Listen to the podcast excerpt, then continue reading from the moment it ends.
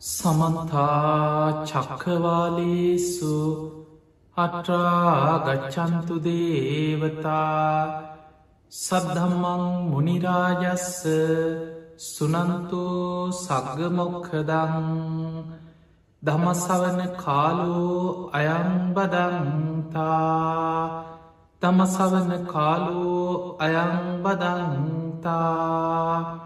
දමසවන කාලූ අයංබදන්තා නමුතස්ස භගවතු වරහතු සම්මා සම්බුද්ධස්ස නමුතස්ස භගවතු වරහතු සම්මා සම්බුද්ධස්ස නමුතස්ස භගවතු වරහතු සම්මා සම්බුද්ධස්ස පිංහතුනේ අද අපි මේ ධර්මාණු ශාසනාව තුළ විශේසින් ඔබට සිහිපත් කරලා දෙන්නේ පුංචි දෙයක්. සමහර වෙලාවට අපි නොසිතන දෙයක්. මහා සංසාරික වෛරයක් හැටියට සකස් වෙන ආකාරයක් ඒවෑ විපාක සසර පුරා කල්ප ගණන. සමහර වෙලාට බුද්ධාම් පුර ගණන් සසරේ එහි විපා කරගෙන යන සිදුවෙන ආකාරය. මේකට හේතුව තමයි අපි ධර්මාවබෝධයක් නැතුව ජීවත්වීම. අපිට ඉවසීමක් නැති කර. අපි ධර්මය තුළින් විමසා නොබැලී. මතකතියාගන්න අපි මේ ලෝක ජීවත්වෙනකොට අපිට තරහයන. මොකද අපි තරහයන ස්වභාවේ යුක්තයි.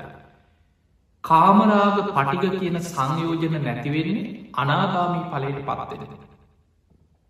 එතකමම අපේ හිත ඇතුළේ සංයෝජනයක් හැටියට බැස ගරත අරමුණු එක ගැටෙන ස්වභාවේ පටිගය අපි තුළ තියෙනවා. සමහර වෙලාට කෙනෙක් ඔබ දෙකෙනෙ දැකලා හිතෙන ලගන යාටන තරහයන්නෑ කිය. හැබැයි එයා තරහ පිරිනන්නේ. හිත ඇතුළින් ගැටීමක් ඇති වෙන. ඒ සැනින් එයා ඉවසගෙන ඒක මතුවෙන්න ඉට නොදී හිත ඇතුළින් ඉවසගෙන ඉන්න. සමහරයි පුළුවන් සමහරයට පුළුවන් බුදු හාමුදුර උපමාවකට පෙන්වා දී ඇන්ද ඉරක් වගේ. පෙර සසර භාවනා කරලා වීරිය වඩල ඉවසීම ප්‍රගුණ කරගත්ත සංසාධ පුරුදු ඇතියා ඉන්නවා. ඒ අයට තරහගියොත් කේතිගියොත් කවුරු හරි පිහිළුවක් කරත් මොනොහරි කිව්වත් එතනින් මේ අතහරින තරහයන්න තුන්නෙම හිතට තරහක් කෙනවා. සමට කේන්තියක් කෙනවා. දුකක් ඇතිෙනවා. කල කිරීමක් එපාවීමක් ඇතිව ඔක්කොම දවේශයක්ක ගොඩනැගෙන දේවල්. හැබැයි ඒ සැනී එයා කර ගන්න දෙයාගෙනය මංමොකට දනු නිසා පවපුරෝ ගන්න. ඒ මිනිස්සු කරන කරම ඒ මිනිස්සුමන කරගහගන්න ඒ වගේ හිතලා සැනින් අර හිතේ ඇතිවන දවේශය ප්‍රතික්‍රියාවක් හැටියට එක්ක වචනෙන් බනින්න හරි එක්කො ගහන්න හරි අතරහම වෙච්චි දෙයකින් දමල ගහන්න හරි ඒ මට්ටමට යන්න නැතුව.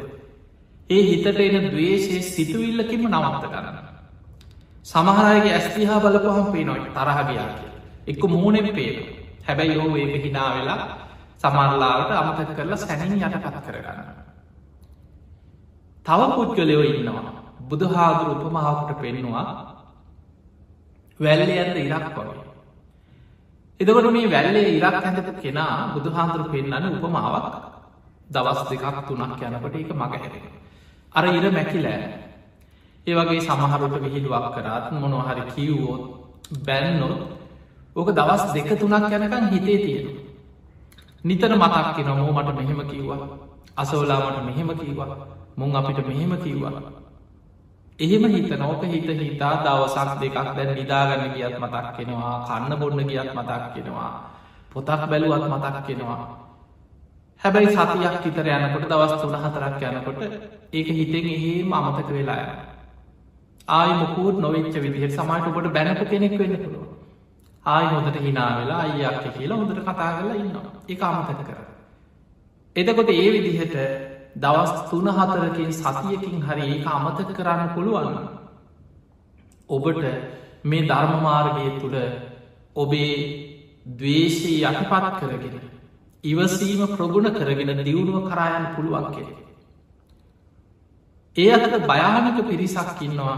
ඒ තමයි පිංගතුනේ සමහර අය ගලේ කෙටු ඉර වගේ කියල බුදුහාමුදුරු පෙරේ ඔබ දන්නවා ගලක ඉරක් හිටුවට පස්සේ ඔබ සෙල්ලිපි දැකලා ඇතින අවුරුදු සිය දහස් ගන සමහරලාවට ඔය යම් යම් කාබන පරීක්ෂණ කරලා සමහර යක්ෂරවලට අනුව මේ බ්‍රාහ්මී අක්ෂර මේ අවුරුදු දෙදාහකට තුන්දාහකට කලින් ඒ මිනිස්සු භාවිතා කරපු අක්ෂර කියලා අද හොයා ගන්න. එතකොට අවුරුදු දාහ දෙදා තුන්දා ගිය. අර ගලේ කෙටු ඉර ඒ ලකුණු ඒ අක්ෂර ඒ විදිහට තියෙනවා. ඒ වගේ සමහරය හිතේ ස්වභාව හොදට මතක තියාගෙන සමහර වෙලාවට ඒ මොහොතේ සබ්ද නැතුව ඉන්නවා. කේන්ති යන තරහ යන හරි හිට පංකමන් දෙන්නම් කියල එහෙම හිතලා මට අවස්ථාව ආපු ගමන් මම්මුන්ගේ පලිගන්නවා කළ හිතන. එහෙම හිතල මුළු ජීවිත කාලෙම සැලසුම් කරන. සමහරලාවට ඒ වෙලේ බයවෙන්න පුළුවන්. තමන්ට වඩා තමන්ට විහිළු කරන කෙනා හරි බනින්න කෙනා තමන්ට හිංසා කරන කෙනා බලවත්නා. ඒ බලවත්කම මත එයා ඒ වෙලා ඉවසන ඒක සැබැයි ඉවසීමක් නෙමෙන. මේ ආදීනව දැකලා කර්ම කරපල මෙනෙහි කරලා ඉවසන අන්නෙම ඒ මොහොත ඉවසහන්නෙම මම පස්සෙ පලි කරන්න මට අවස්ථාව ආපු ගමන් මම්මුන්ගේ පලි කරන්න මං කොහොමහරි සැලසුම් කරලා පලිගන්න අන්න එහෙම හිතලා ඒ වෙලාවෙ සද්ද නැතුව ඉන්නවා හැම ජීවිත කාලෙම සැලසුම් කරන ඒකම හිත හිතායි කවදහරි මම්මුගේ පලිගන්නවා කෙළ හිත හිතායි බුදු හාදුරු පෙන්වා ගලේ කෙටු ඉද වගේ. ඒ වගේ පුද්ගලයාගේ සමහර වෛර සංසාර වෛර බවට පත්තෙර. ඒ ජීවිතෙ අවසන් වෙන්න.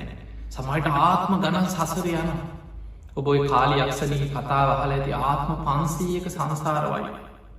ඔය වගේ එක සිදුවීමක් තියෙනවා මුගලම් මහරහත්තන් වහන්සේ ලක්කන මහරහතන් වහන්සේ සමඟ ගිජ්ජකෝට පරොත්තයෙන් පහලට බැහැගෙන එන්නකොට උන්වහන්සේල පිල්ල පාතයන්න ගිජ්ජකූට පරොත්තේ නම් පහලට වැඩම කරන. එහෙම එනකොට එක තැනකදී මුගලම් මහරහතන් වහන්සේ දැක්ක අහසේ පාවෙලා යන අමුතුම අමනුස්සේ මේ අමනුස්සයා විශාල පිබුරෙක් වගේ ශරීරයක් තියෙන කෙනෙ. ධර්මි සඳහන් වෙන භූත පිබුරෙක් කියලා. මේ ඇත්ත පිබුරෙක් නෙමේ අමනුස්සේ භූතයේ. මේ අමනුස්්‍යයාගේ ශරීර තියෙන විශාල පිබුරේ යොදුන් දොළහක් දිග සරිරයක් කිය.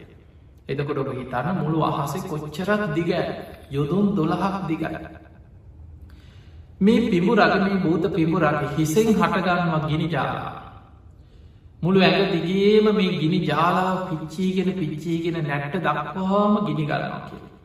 ඕ කෑගහනවා විලාප දෙනවා අහසේ පාවි පාවි යන කෑගක ගිනි ගොඩක් කියක. දරන ගහගන්නවා දිගෑදෙනවා කෑග ගහ යන. එහෙම පිච්චිලා පිච්චිලා ගින්න අවසන් වෙනකොට ආයමත් අරත් කලින් විදිහටම ශරීරි පහලව. නැට්ට පැත්තෙන් හටගන්නවා එක පාට ගිනි ජාලා. හිස දක්වා ආපස්සට ගිනි අරගෙන පිච්චීගෙන පිච්චීගෙනෙනවා හිස පැරතට. ඕක තමයි මේ අමනුස්්‍යයක් කරම විපාක ගෙවෙන හැට. අහසි පාවි පාවි යනවා හිසෙන් හටගන්න ගිනි ජාලාකින් නැට්ට දක්වාම පිච්චිලා ආය ඒ විදියට පහළවෙන. ආය නැටෙන් හටගන්න ගෙනි ජාලාකින් හිස දක්වාම පිච්චෙනවා ආයි පහළවෙන. මුගල මහරහතන් වහන්සේ බලාගෙන හිටියා පෙර සසරී කරපු කරම විපාකයක් ගෙවන පුදුම විදි අකුසලයක් ගෙවන අමනුස්සේ. මේ සත්ත ලෝක නම් පුදුමයි කර්ම විෂය හරි පුදුමයි. මේ සත්වයක් මේ විදිහට පෙර කරපු කරම විපාක නිසා විඳෝන හැටි කියල උන්වහස බලාගෙන හිටිය. ලක්කන මහරහතන් වහන්සේ බැලුව උඩ බැලුව වටපිට බැලවා මුගලන් හාමුදුර බලන පැත්ත බලාගෙන හිටිය අනේ උන්වහන්සේට පේන්නේ. උන්වහන්සේ රහත් හැබැයි දිවැස් නුවන නෑ. මතක තියාගන රහතන් වහන්සේලා හැමෝටම දිවැස් නුවන පහළ වෙලා තිබුන්නෑ. පඥාව විමුක්ත රහතන් වහන්සේලා කියල මේ බුද්ධ ශාසනය හඳුරනවා. විදර්ශනාවෙන් හිත වඩල ප්‍රඥාව දියුණු කරලා විමුක්තියට පත්වෙච්ච ප්‍රඥාව විමුක්ත මහරහතන් වහන්සේලායි. ඒ අයට පෙරජීවිත දකින නුවන්න සමාටත කෙනෙක් මැරුණට පස්සේ උපදින හාකාර චුතෝපාතඥානය දිබ්බ චක්කු දිබ්බ සෝත පරචිත්ත විජානන ඉරදි විදඥානය මුකුත් නෑ. ඒ රහතන් වහන්සේලා තුළ පිහිටන්නේ ආසවක්කේ ඥාන. ආසවක්කේ ඥානය කැන තමන් කෙලෙසුරු ප්‍රහාණය කරන්න. තමන්ගේ හිත තුළ රාගතේශ මෝහාදී කෙලෙසුන් ප්‍රහාණය වනා කෙන අවබෝධ තියෙන එච්චරයි. ලක්කන මහරහතන් වහන්සේ බැලවානෙන් උන්වහන්සේට දිවැස් නැති නිසා උන්වහන්සේට පේන ඇහුව මුක්ගල්ලාන කාවදොබ දැක්කේ? ඔබොයි පුදුමෙන් වගේ බලන්නන්න කවුරු දිහාද අනේ මට කියන්න කියව විස්තර. එදකට මුගලන් හාන්දුරු කියනවා දැන් මගෙන් අහන්න එපා අපි පින්න පාතික හිල බුදුරජාණන් වහන්සේ මුණ ගැහෙනයා උන්වහන්සේ ගිජකුට පරතය පහළම රජගහනුවර වේලු වනාරාම බුදු හාදුර ඉදිනවල වැඩටේ නගරමයි. බුදුරජාණන් වහන්සේ ඉදිරියේදී මගින් අහන්න. අන්න එතකොට මම විස්තරය කියන්නකි. තින් එදා පින්ට පාති වැඩම කරලා දානෙත් වලඳලා හවස් සරුයි බුදුරජාණන් වහන්සේ මුණ ගැහෙන්න වේල් වනාරාමිට වැඩ. සංඝයා බුදුරජාණන් වහන්සේ මුණ ගැහෙන වෙලාවෙදී ලක්කන මහරහතන් වහන්සේ මුගලන් මහරහතන් වහන්සේ බුදුරජාණන් වහන්සේ ළඟට ගිහින් වන්දනා කළ එකත් පසකින් වාඩි වෙලා ඒ වෙලාවෙද ලක්කන මහරහතන් වහන්සයාල කාරණය සිහිපත් කර. ස්වාමිනී භාග්‍යතුන් වහන්ස අදාප පින්ඩ පාති වඩිනකොට හරිම පුදුම දෙයක් වුණා. මේ මොගල්ලාන පුදුමෙන් වගේ අහස දිහා බලන්න හිටිය. කවුරු හෝ දෙයක් දැකලල.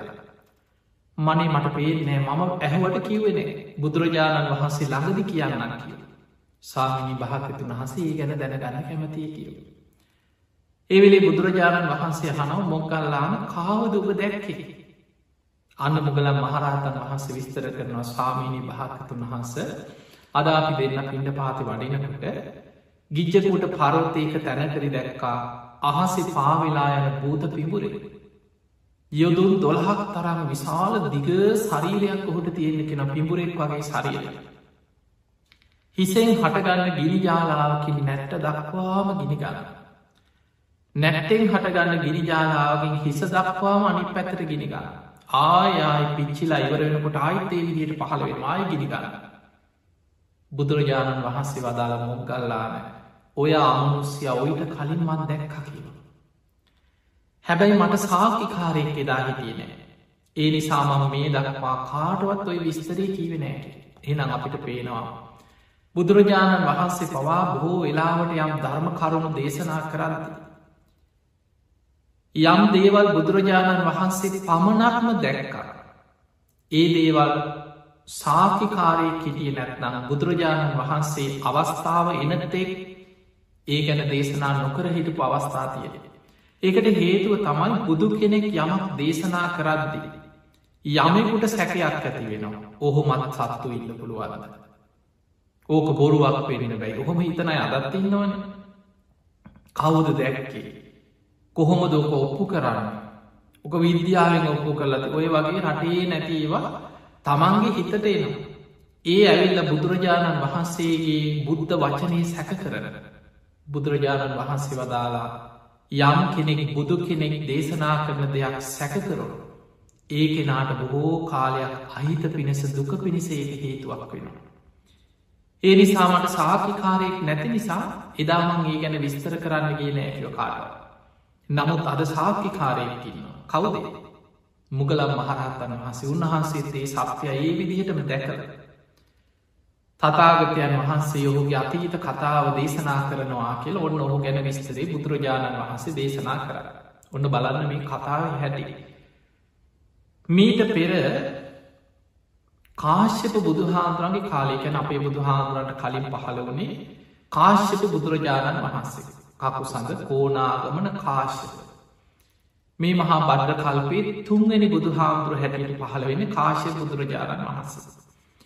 ඒ කාලේ සුමංගල කියලා සිටුවරේ අපේ බුද්ධ ශාසනය ඔය අනාත පිටික සිටිතුමා වගේ බොහෝම සත්හාවෙන් පෙරුම් පුරාගෙනාපු බුදු හාමුදුරන්ටම ආරාමයක් කරලා පූජ කරන්න ඕනෑ කියල පෙරුම් පුරාගෙනාපු කෙනෙක් සුමංගල සිටුවර. මේ සිටුවරයා තමන්ගේ ධනය වියදම් කරලා ආරාමයක් හදල බුද්ධ ප්‍රමුඛ සංඝයාට පූජා කර. අංග සම්පූර්ණ ආරාමයක් හැද. බුදුරජාණන් වහන්සේට වැඩඉන්න සඳුන් ලීයෙන් කුටියක් හැද. හදල බොහෝම ලස්සනට මේ ආරාමි සකස් කළ බුද්ධ ප්‍රමුඛ සංඝයාට පූජ කර. බුදුහාමුදුරුව මේ ආරාමි කුටිය වැඩ. සුමංගල සිටුවරයා දවසට තුන් වතාවක් මේ කුටිය වතාවත් කරන්න යනවා කියල. ඒ ගිහිල්ල සමාට බුදු හාමුදුරන්ට කරදර කරන අනෙමේ ඔහු ගෙහිල්ලක් කුටිය වටේ තියෙන කොළ ඇහිදිනවා. කුටිය වටේ අතු ගාලන වටේ සුද්ද කරලද බලන ආරාම භූමී කුණු තිය නොනගේ වයිවත් කරන. කුටිය වටේ අඩුගාන ප්‍රදක්ෂිනා කළ කුටියට වන්දනා කළ බුදුගුණ සිහි කළ ආපහුවෙන. දවසට තුන් වතාවක් යන යනකට සමාර දවසට සේවකයොත් එක් කරගෙන යන මහා ධනමත් සිටුවලේ. දවසක් මහ දහවල් කාලේ මේ කුටිය වතාවත් කරන්න සේවකයෝ කීප දෙනෙකුත් එක්ක යනකොට දැක්කා නගරි ප්‍රධාන දොරටුව ළඟ මනුස්සෙක් ඔළුවේ ඉදං වහගෙන ගොරෝගොරෝ නිදී. මේ දවල් කාල ඔළුවේ ඉදම් පොරෝගෙන ඔළුව වහගෙන නිදාගැනීම එතනින් යන ගමන් සුමංගල සිටුවරය නතර වෙලා සේවකයෝ එක කියනවා බලාපංකු මේ මහ දවාලේ. මේ මනුස්්‍යය මේ තාම නිදි නෙවේ ගොරෝගොර ඔයනම් එකත් එකටම රෑතිස්සේ ඇවිදින දවල් නිදියන මනුස්සෙක් වෙන්න ඇති කියීම ඔන්න කියපු කතා රෑතිස්සේ ඇවිදින දවල් නිදියන කෙනෙක් වෙන්න ඇති මේ. පිංහතුනි ඒ කාලෙ හොරු රෑතිස්සේ ඇවිදින හොරකම යන්න රෑට ගෙවල් විදින්න බඩු හොරකා කරන්න රෑතිසේ හොරකම යනවා. දවල්ට අගුණ ගනී කියෙන ඔළුව අහගේ නිදාගන්න මේ තේ ජාතය හොරෙක්. රෑතිස්සේ ගෙවල්වල හොරකම යනවා දවල්ට නිදාගන්න එතකොට සුමංගල සිටුවරය දැන් මෙතනින් යන ගමන් පුද්ගලයාගේ මුණ දැක්කෙත් නෑ කතා කරෙත් නෑ මේ වෙන තරහකුත් නෑ. අර සේවක එක්ක යන ගමන් කිව් එකම දෙයයි බලාපල්ලක මේ මනුස්්‍යය මේ මහදවාලි තාම නිදී. මේ නඟ එකත් එකටම රෑතිස්සේ ඇවිදින දවල් නිදියන කෙනෙක් වෙන්න ඇතක ඒ කියද්දිම අර පුද්ගලයට ඇහුණා කේන්තියක් ආව හිතට. මොකාද මං ගැන එහෙම කීව කියල බැලුව. බලනකොට අර ඔරුව වහගෙන ඉන්නකින් පොඩ්ඩක් ඇහැදාල බැලුව බලනකොට අඳුනගත්ත සුමංගල සිටුවරය. සේයෝකයෝ පිරිසක් එක්ක ඉන්නේ. දැන් හිතේ තියාගත්ත හරි. බොමට මෙහෙම කිව්වන කියලා දැන් කේන්තියක් හිතටා දැන් ඔබ හිතන්න සුමංගල සිටුවරය ඔහුට ගැහුවද? නිදාගනන්න පුද්ගලයට අඩුගාන මොනවහරි ළඟ තියෙන වැලිය හවරක් හරි ගලකින් හරි ගැහුවද? නැකිටවන්න නැකිට පං කියලා ඇදල දැම්මද? අඩුගාන මිනිස් ූප දැකල සමහර විහිරුවට වතුර ගහ ඔහු නිදාගනන්න කෙනාට වතුර ගැහවද? ඒ මොකවත් නෑ එකම දෙයයි කියාගෙනගේ මේ පුද්ගලයා මේ රෑතිස්ය ඇවිදින දවල් නිදියන කෙනෙක් වෙන්න. ඇති ඔන්න සිතුවිල්ල නිමිනිතක මනුස්සේකුට දවේශයක් ඇතිවෙන්න මහාලොකු දෙයක් ඕන්නෑ පුංචි දෙයක් ඇති පොඩි නිමිත්තයක් ඒක තමයි මේ භයානක සංසාරගත අකුසල සහගත විඤ්ඥානි තියෙන භයානකක රාග දවේශ මෝහ කියන කෙලෙස්වල තියෙන භයානකකම පුංචි නිමිනිතක් ඇත. අර නිමිත්ත හිතට ගත්ත. දැන් ඕක පුපුරපු දැන් ඔළුව වහගෙන සිනි සිටුවරයාගේ පාඩුව යන ගමන ගියා. ඔහුවර කොටිය වතාවත් කරන්න යන ගමන. දැන් මොහ ඔලු ඉන්නම් පොරෝගෙන කල්පනා කරනවා දෙන්න මෝට වැඩේ. මේක මට මෙහෙම කීවා දැන් ඔන්න හිතලා හිතලා පහෝදාමකද කරේ? සුමංගල සිටුවරය ගැන හොයල බැලුව. කවුද මේ? කොහෙද ඉන්නේ? මොනවද මෙයාට තියෙන විස්තර හෙව්වා. හොයල සිටුවරයාගේ හේනකට ගිහිල්ල රෑ ගිනි තිබා හොරකම ගිහින් එන ගමන් හේනක් ගිනි කියලගයි සිටුවරයට උදේ ආරංචි වුණා කවුදූ කෙනෙක් හේන ගිනි තියල. සිටුවරය ගිහිල බැලුව විශාල ප්‍රමාණයක් හේන ගිනි තියලා. අනේ කවුරු හරි පවකාරය ඔහු කරගන්නදේ? ඔහු ගෙන අයි කිය ඕක ගණන් ගන්න පවෝවද නැතිවෙේ ඕක තමයි ලෝක ස්භාවය කියලා. සුමංගල සිටුවරය බුදු හාදුරන්ගෙන් බණහන කෙනෙ කාශික බුදු හාදුරන්ගේ දායක බොහොම සද්ධාවෙන් ආරාමයක් කළ පූජ කරපු කෙනා. ඔහු ගැටෙන්න්න කිය නෑ ඔහු කරගන්න දෙයක් ඔහු ගෙනියයි කියලා හිතින් අතහැර. දැන් බැලුව විමසල බැලුවා සිටුවරයට එච්චර එක දැනිලන හිට පංකො කියලා. දෙවනි දවස සිටුවරයට අයිති තවත් හේනක් ගිනිති බයිලඟ දවස. එදස් සිටුවරය සේවකයොත් එක ගිහිල්ල බැලුව හේන ගිනි තියලා. අනේ අපරාධ මෙච්චර හොඳට වැැවිච්ච හේන ඒ මනුස්්‍ය කරගන්නදී මනුස්්‍ය ගෙනියන්න ඇත මේක කවුරු හරි පව්කාරයක වැඩක් කියලා හිතෙන් අතහැරියයිච්චර බැලුව විමසං කර විමසිලි කරලා විපරං කරලා ඒකත් නිකන් නෑ වගේ. හරියට දැනල නෑ. ආයි දවසක් හොඳට බලලා සිටුවරයට අයිති තවත් හේනක් ඉනි ඔය විදිහට පස් වතාවක් සිටුවරයාගේ හේන් ගිනි තිබ්බ. ඒ හේන් ගිනි තිබ්බට වැඩේ හරියට දැනෙන් නෑමට. ඊට පස්සේ කල්පනා කරා ඕම හරි සිටුවරයට දැනෙන විදිහට පලිගන්නවට. එහෙම හිතල සිටුවරයාගේ රාත්‍රී ගව පට්ටියක් තියෙනවා. මේ ගව පට්ටියට රෑ ආයුධයක් කරගෙන පැන පැනලර අහිංසක ගවයෝ කීප දෙනෙක කකුල් කපල පිහියෙන් ඇල්ල ගිය කීප දෙනෙකට. උදේ පාන්ද රාරංචි වුනානේ සිටුවරයාගේ අර ගව පට්ටිය ඉන්න ගවයෝ කීප දෙනෙක කකුල් කපල ආයුදයකි. ගවයාගේ කකුල්ලොට පිහියෙන් ඇනන. ඉක්මට ඇවිල්ල බැලුව සිටුවරයායෝ මේ කරලා තියෙන අකුසලේ. මේ අහිංසක සත්වයන්ට හිංසා කරලා ඔහු මොනුවනක් කරගන්නද. ඔහු විශාල අකුසලයක් කරගත්ත කෙනෙ කනේ යා කරගන්නද යාගෙනයයි කියලා ඉක්මනට වෙද මහත්තුරු ගෙනහල්ලා ගවයාගේ කකුල්ලොට බෙහෙත් පැරෙන. දැන් විපරන්තරල බැලවා ඒකත් නිකන් සිටුවරය එච්චර ගණ කරන්නේ වගේ. තවත් දවස කර ගව පටියට පැනල දෙවනි වතාවෙක් ගවයන්ගේ කකුල් කීපයකට පිහියෙන් ඇන්න තවත් වෙන ගවයෝටිකට කකුල් කපල ගිය. ඔය විදිහට පස් වතාවක්ම නැවත නැවතත් සිටුවරයාගේ ගව පට්ටියට පැනල ගවයන්ට පියෙන් ඇන්න කකුල් කැපව. දැන් බලන්න අර එක වචනයක් යනතුර මේ දිගට දිගට පලිගන්නේ අර නිදාගෙන ඉන්න වෙලාවේ අර කියාගෙන ගිය එක වචනයට මේ පලිගන්න යන්න දිගට දිගට. දැන් ඔබ හොඳට බලන්න මේ මනුස්ස මනසට ස්වභාවය. මේ මේ වගේ සිතුවිලි සාමාන්‍ය මිනිස්සුන්ට ඇති වෙන ඔබ ඔබේ හිත දිහා බලන්න. කෙනෙක් තව කෙනෙක්ගේ පලිගන්න නොයෙක් වැරදි වැඩ උපක්‍රම යොදලා සමාජ ස්භාවය බලන්න. ඒක හරිගියාද. ඔහු දුක්කුණාද. කරපු වැඩේ ප්‍රතිඵල තියෙනවද කියලා මිනිස්සු හොයන්න නැත හොයනවා. ඒ හොයන්න නම් ඔහු ගැන විපරන් කරලා බලන. දැන් මේ මනුස්්‍යයමකද කරේ දැන්ගේ ගිනි තියලාර ගවයන්ට පියෙන් ඇන්න දැන් සිටුවරයා මේකට විදෝනවද කියලා බලාගන්න ඕට. දවසක් නිකං එතන යන ගමන් සිටුවරයාගේ සේවකයෙක්ව අල්ලගත්ත හිතවත්කට. අල්ලගෙන මේ සේවකයක්ක සුහද කතා බහක වැටකට. ඒ කතා බහ වැටිච්ච ගමන් නිකන් කියන ඒ බං උබලගේ සිටුවරයට හරි කරදරරන්නේ. ඔය සිටුවරයාගේ හේනක් ගිනිගත්තලම කීප සැරයක්. ඔය සිටුවරයාගේ ගව පට්ටිය ගවයන්ටත් කවද පියෙන් ඇල්ල කකුල් කපලලන? උඹලගේ සිටුවරයට ව ගානක් නැත්දානය කියලා ඇ දැම් මේ විස්තරේ දැනගන්න. මේ අහන්න කරපු කෙනා එතකොට අර සේවකයක් වනේ අපේ සිටුවරයට වූවයිති ලොකු දේවල් නෙමේ කියලා අපේ සිටුවරයාගේ හිත තියෙන්නේ බුද්ධ ප්‍රමුඛ සංඝයාට හදල පූජ කරපු ආරාමි ගැනමයිකි අන්න ගිහිල්ල දැනු සේවකයක ගිහිල්ලක් කුටිය වතාවත් කරන්න. දවසට දෙතුම් මතාවක් යනවකයොය කුටිය බුදු හාමුදුරු වැඩ හිටිය හෝ නැතාවෝ ඒ කුටිය වතාවත් කරන්න යන. අපේ සිටුවරය මහ පින්වන්ත කෙනෙක් කිය. දැන් මේක කියනකොටම හිතටාව හරි සිටුවරයට හිනිදන්නනා කරන්න හොඳ වැඩක් කියල හිතුව දැන් හිතටාව බලන්න පවකාර අර සිතුවිල්ලක් යන දුර බුදුහාමුදුරු වැඩඉන්න කුටියට නං ආදරයේ හිතවත්කම තුන් වතාවක් කුටිය වතාවත් කරන්න නං යන්නේ සිටුවරයාගෙන් පලිගන්න නම් කුටියට අනතුරක් කරන්න වන කෙළෙහිට. දැන් හිතලා විස්තර හොයනවා.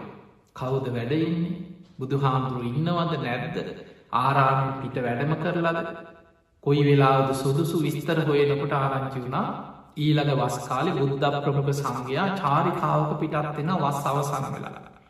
බුදුහාන්දුරු වස් අවසන වෙච්ච ගමන් වස් පවාරණය කරලා සංඝයා සමඟ දීර්ඝ චාරිකා ගමන් වඩින. ඒ මගකට හම්බෙනයටත් දහම් දෙසමින් යොදුම් ගණන් වඩින. දැන් බුද්ධ ප්‍රමුඛ සංඝයායිදා පිටත් වෙච්ච දවස බොහෝ දුරක් පිටත්තුර.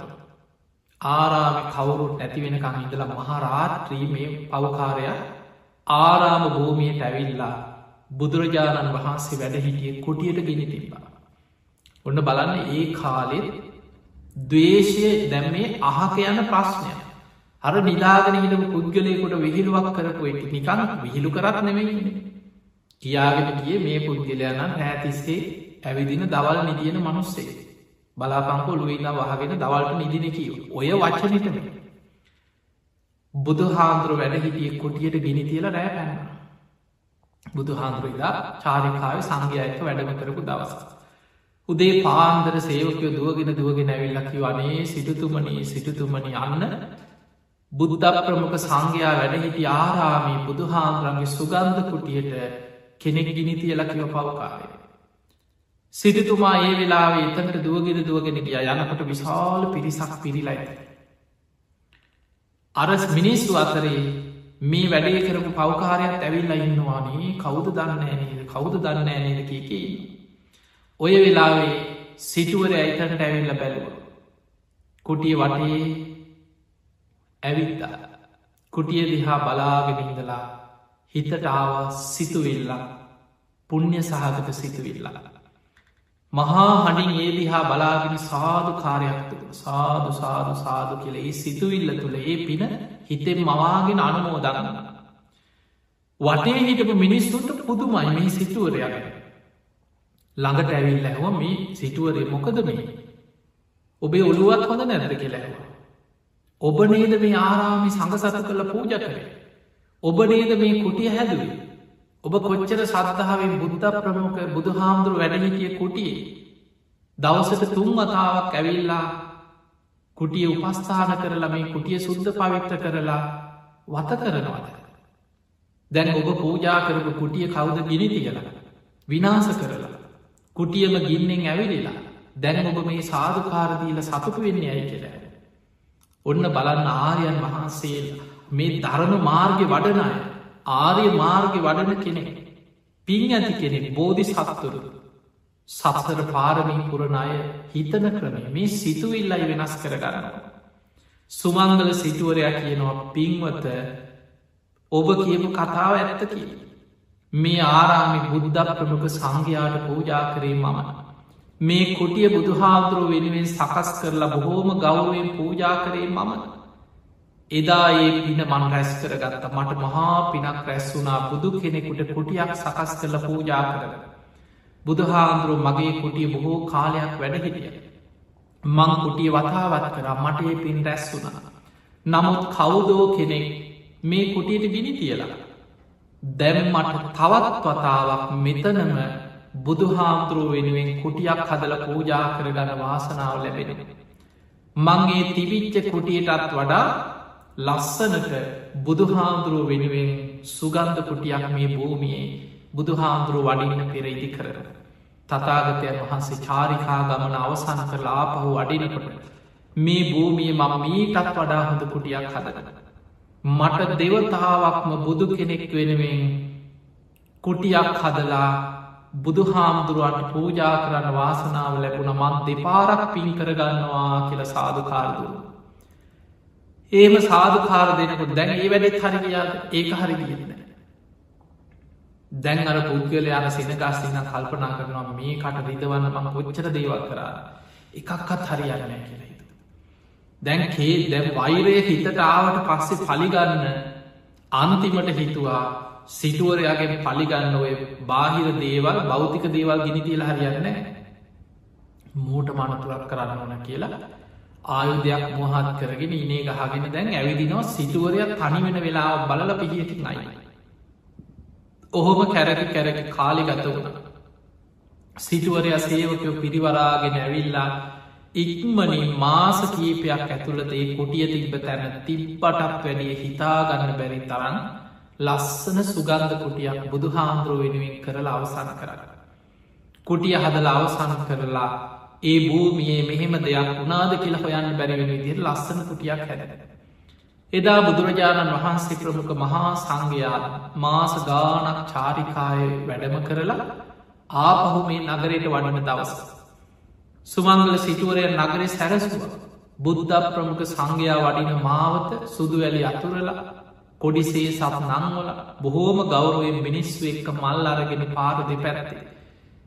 මල් ඉස්තිමින් බුද්ධ ප්‍රමුඛ සංඝයා පිළිගරත. එදා බුදුරජාණන් වහන්සේ මේ කුටිය ළඟට එනකොට ඒ කුටිය තිබ්බ තැනම ඊටත් වඩා හොඳ තව කුටිය. එතනට බුදුරජාණන් වහන්සේ වැඩම කරපු වෙලා සුමංගල සිටුවරය රාග කෙනඩියකින් පැන්වක් කරලා බුදුරජාණන් වහන්සේගේ ශ්‍රී හස්තේ මේ අලුත ඉදිකරපු කුටියක් බුද්ධ ප්‍රමුඛ සංඝයා වෙනුවෙන් සඟ සතු කරලා පූජා කරන්නටේ.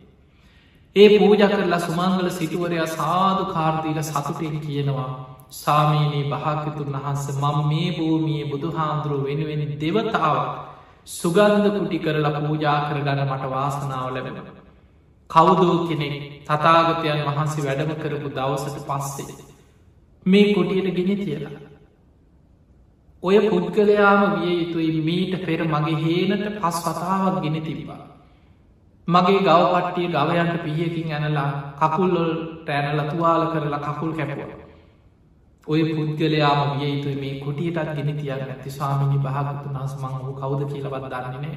නමුත් ඔහු නිසා මම තවවතාව බුදුහාමුදුරුව වෙනුවෙන් කුටියක් හදල ශාසනයට පූජා කරගත්තා.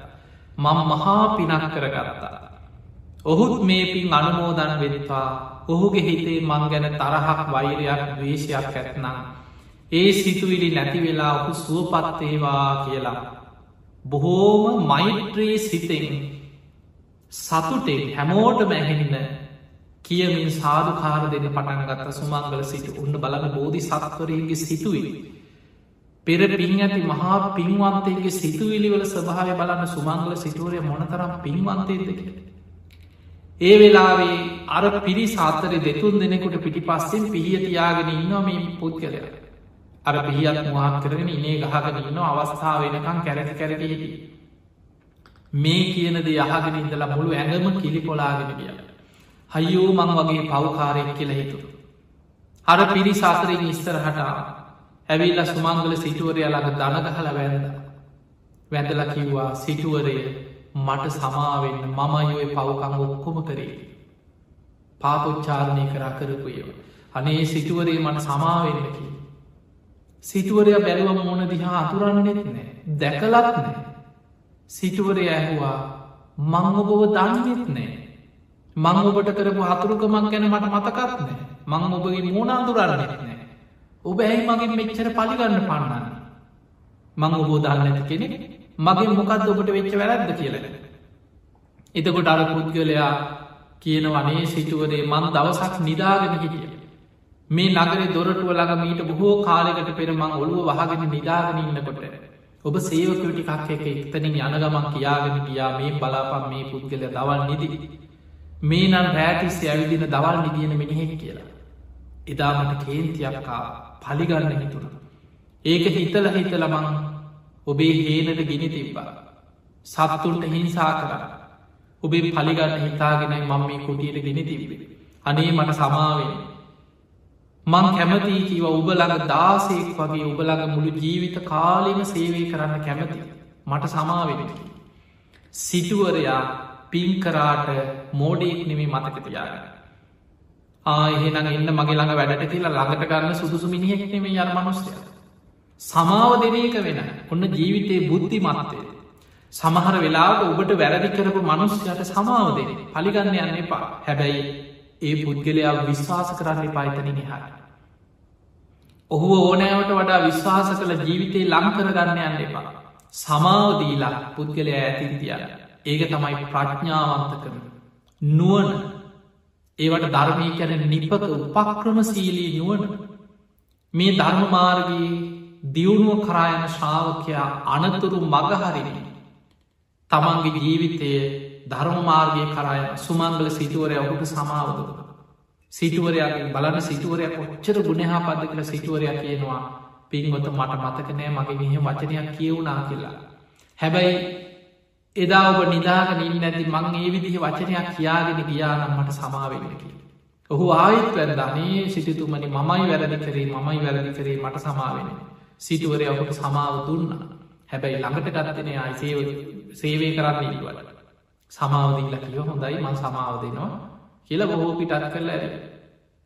එදා අපේ බුදුරජාණන් වහන්සේ මුගලම් මහරහත්තන් වහන්සේ ලක්කන මහරහතන් වහන්සේ ඇතුළු මහා සංඝයා ඉදිරි. ඔය අතීත කතාව විස්තර කරමින් දහම් දෙස්ව. කියලා කිව්ව මහනෙන එදා කාශ්‍යප බුද්ධ ශාසනය. අර සුමංගල සිටුවරයගේ හේලට පස්වතාවක් ගිනි තියලා. සත්තුන්ගේ කකුල්ලොලට තුවාල කරලා පිහියෙන් ඇනලා.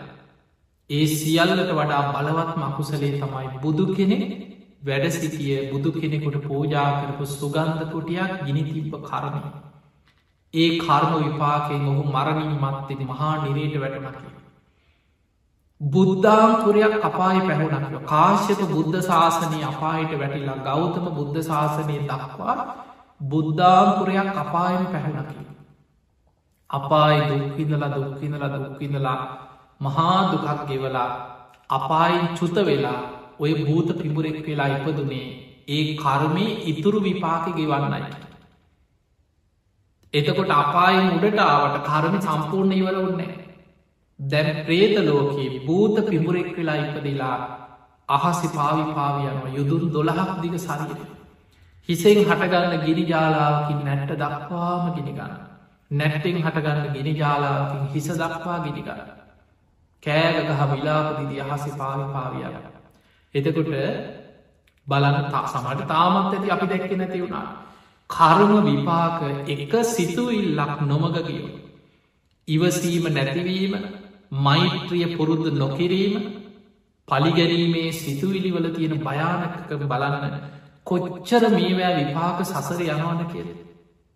ඒ නිසා මේ සංසාරගම් ඔබත් හිතන්න දැ මිනිස්සු කොච්චර සමහරලාවට පුද්ගලයන්ගේ වෛර තියාගෙන නොඒ උපක්‍රම යොදන සමහරලාවට ප්‍රසිද්ධිය යමක් කරන්න බැයින කොච්චර මිනිස්සු දේවාල ගාන යනවා පලිගහනවා අනුන්ට හෝනියක් කරනවා පවුල් පිටින් නැතිවේවා කියකි කොච්චර අනුට සාප කර කර දේවාල ගාන පොළොග ගහම යන පිරිසක්කින සාමාන්‍යෙන් ලංකාව ගත්තාම බොහෝ පිරිසා කෙනෙක් දියුණු වෙනවා ඉවසන්න බෑ. කෙනෙක් ලස්සන්ට ඇඳලා ඉන්නකොට ඉවසන්න බෑ. කෙනෙක් ගියත්දොරක් යානවාහනයක් ගන්නකොට ඉවසන්න බෑ. ඊරිසියාවත් එක්ක වෛර උපදින ඊළඟට සමහට පුංචි වචනයක් වෙන්නපුළ විහිළුවක් කරන්න. ඒක හිතේ තියාගන්න මූ මට මෙහෙම කිව්ව මෙහෙම කියවක ඔබහල ඇති දම්ම පදේ බුදු හාමුදුර විස්තර කරන ගාථාවක් කියෙන අක්කොච්චි මං අවදිමං අජිනි මං අහාසිමි අසවලා මට මෙහෙම කිව්වා.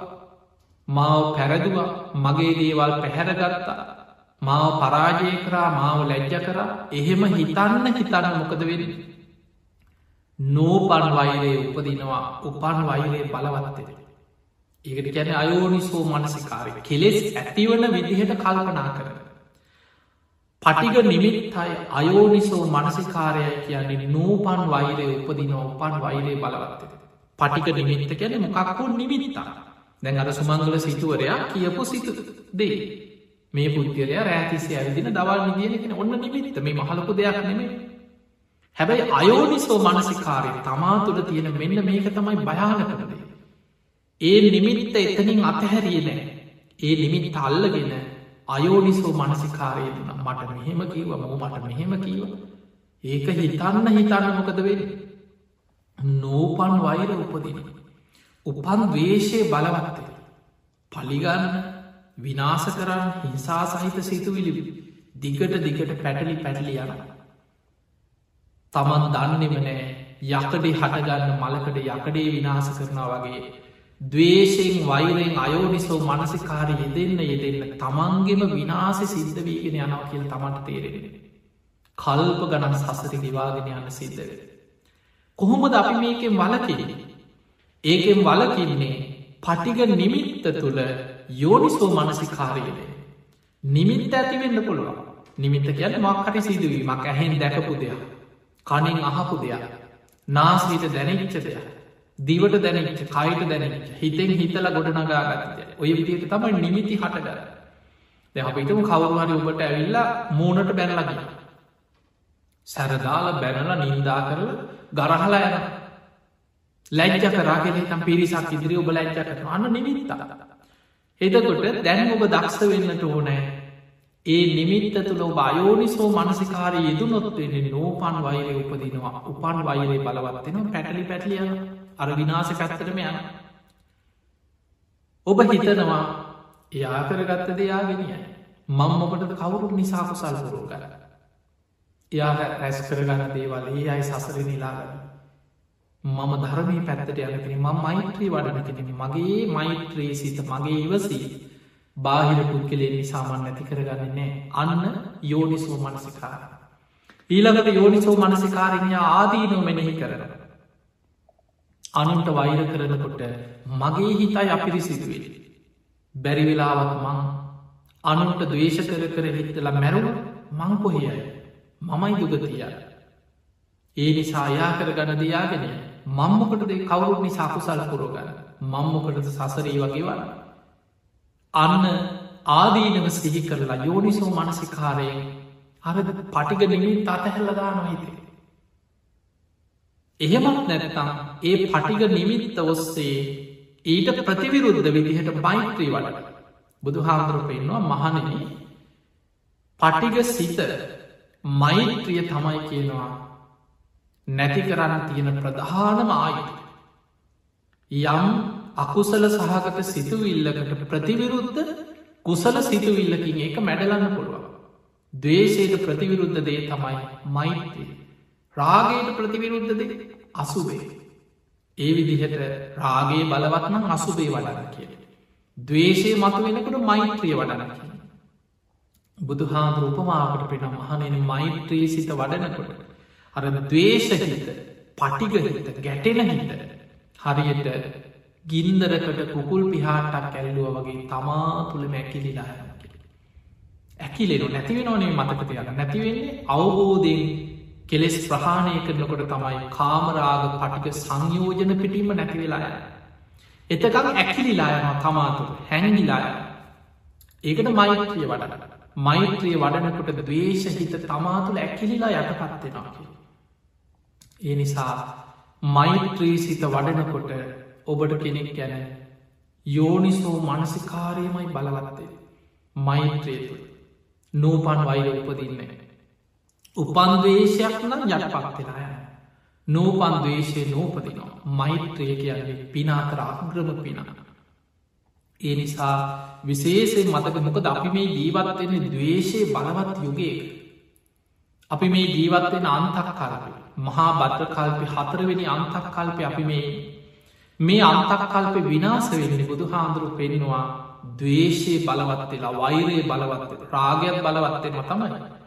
අධර්මරාගේ විශ්මලෝබේ මිත්‍යා ධරණ. මිනිස්සු එකනෙ කා දවේශයෙන් මිනිස් ආවිශ පිරිහිලා පිරිහිලා අවුරුදු දහය වෙනකට බහල ඇති අනාගතයේ මෘග සංඥා පහළ වෙලා අවියාවිද අරගෙන එකනෙකා මරාගෙන මරාගෙන දවේශයෙන් ලේ විලක් වෙනවා කෙන ලෝකේ. දින හතක් යනකොට මිනිස්සු දකින දකින අය දවේශෙන් මරාගන කාලයක් කෙන අනාගත. පින් ඇති කීප දෙනෙ තනි තනියෙන් කැලෑවල්වල හැඟිච්චයි විතරක් ජීවිත බේරගන්න කියල ධර්මය පෙන්න්න. මේක තියෙන දීගෙන කායි චක්‍රවති සීහනාද සූත්‍රය. ඒ නිසා අපිට පේනවා පිංහතුනේ එන්න එන්නම දවේශය බලවත්වක දැන් අපිට පේනවානි සමාජතීන අපරාධ මිනීමැර සමාර දේවල් එකින්න එක බලන්න නිකං ලංකාය වෙන දේවල් බලන් ලෝක වෙන දේවල් බලන්න ඔබ අන්තර්ජා ලෝක කොයි ඇත බෝස්ටේලයා හිටිය ලංකාව හිටියල් ලෝක කොයි කෙලවරක හිටිය අද අන්තර්ජාලය ඔස්සේ මේ වෙන දේවල් නිතර ඔබට අහන්න ලැබෙන. සමාට ඔබටම හිතෙන මේ අවුරුදු විස්සක් තියක් හතලයක් ඇතුළත ලෝකයට සිද්ධ වෙච්ච විනාස. මිනිස්සු දැම් මොන තරම් වෛරෙන්ද හිතාගන්නට සමට දෙමවපියු තමන්ගේ දරුවන්ට කරන දේව දරුව දෙමවපියන්ට හිතාගන්න බැරි දේවල්. අවුරුදු ගණන් ආදරය කරපු සමහට ස්වාමින බිරිදව පණපිටින් ගිනි තියලා මරණ.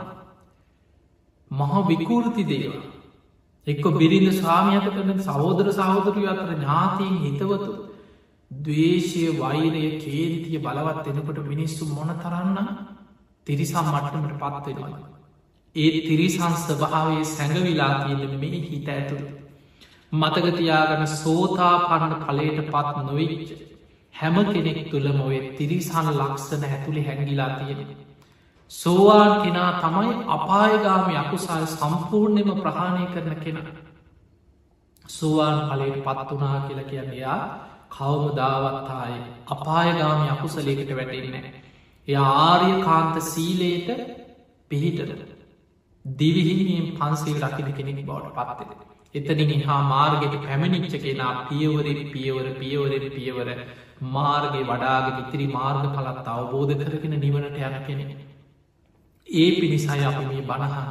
ඒ පිණිසයි නිතර ධර්මය දියුණු කරන්න.